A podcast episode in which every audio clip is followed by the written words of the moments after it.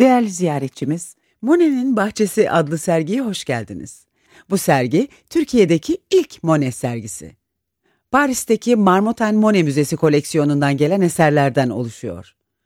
Peki kimdir Monet?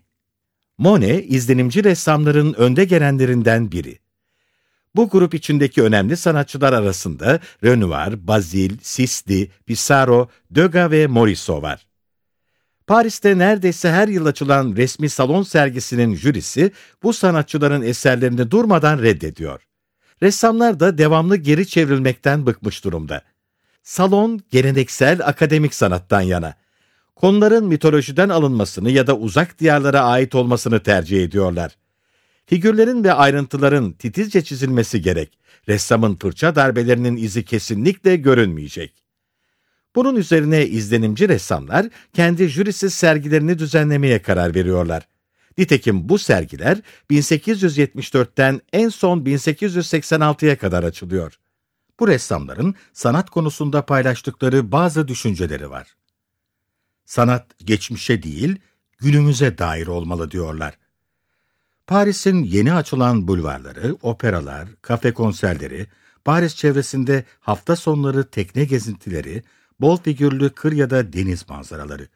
Bir başka deyişle çağdaş yaşamdan dilimler göstermeli bize. Bütün bu konular bir anı yakalamak üzere betimlenmeli. İzlenimci ressamlar kaçıp gidiveren o anı, ışığın birkaç saniyelik oyununu bize aktarabilmek için çoğu zaman ayrıntıları ihmal ediyor. Hissettiklerini resmetmeye çalışıyorlar. Yani eserlerinde gördükleri sahneyi, kişisel algılayış biçimlerini yansıtmak istiyorlar. Bu sergide ağırlıklı olarak Monet'in geç dönem eserlerini yani 1886'dan sonra yaptıklarını göreceksiniz. O dönemde izlenimcilerin her biri kendi yoluna gitmişti. Ressamın tek mirasçısı olan Michel Monet'in Marmottan Müzesi'ne bağışladığı eserlerden burada sunulanlar sanatçının yaşamı sırasında ne sergilenmiş ne de satılmıştı. Dolayısıyla sanatçının tüm eserleri arasında farklı bir yerleri var. Ayrıca Monet'in burada sergilenen geç dönem eserleri daha erken çalışmalarıyla karşılaştırıldığında farklı üslup özelliklerini de gözler önüne seriyor.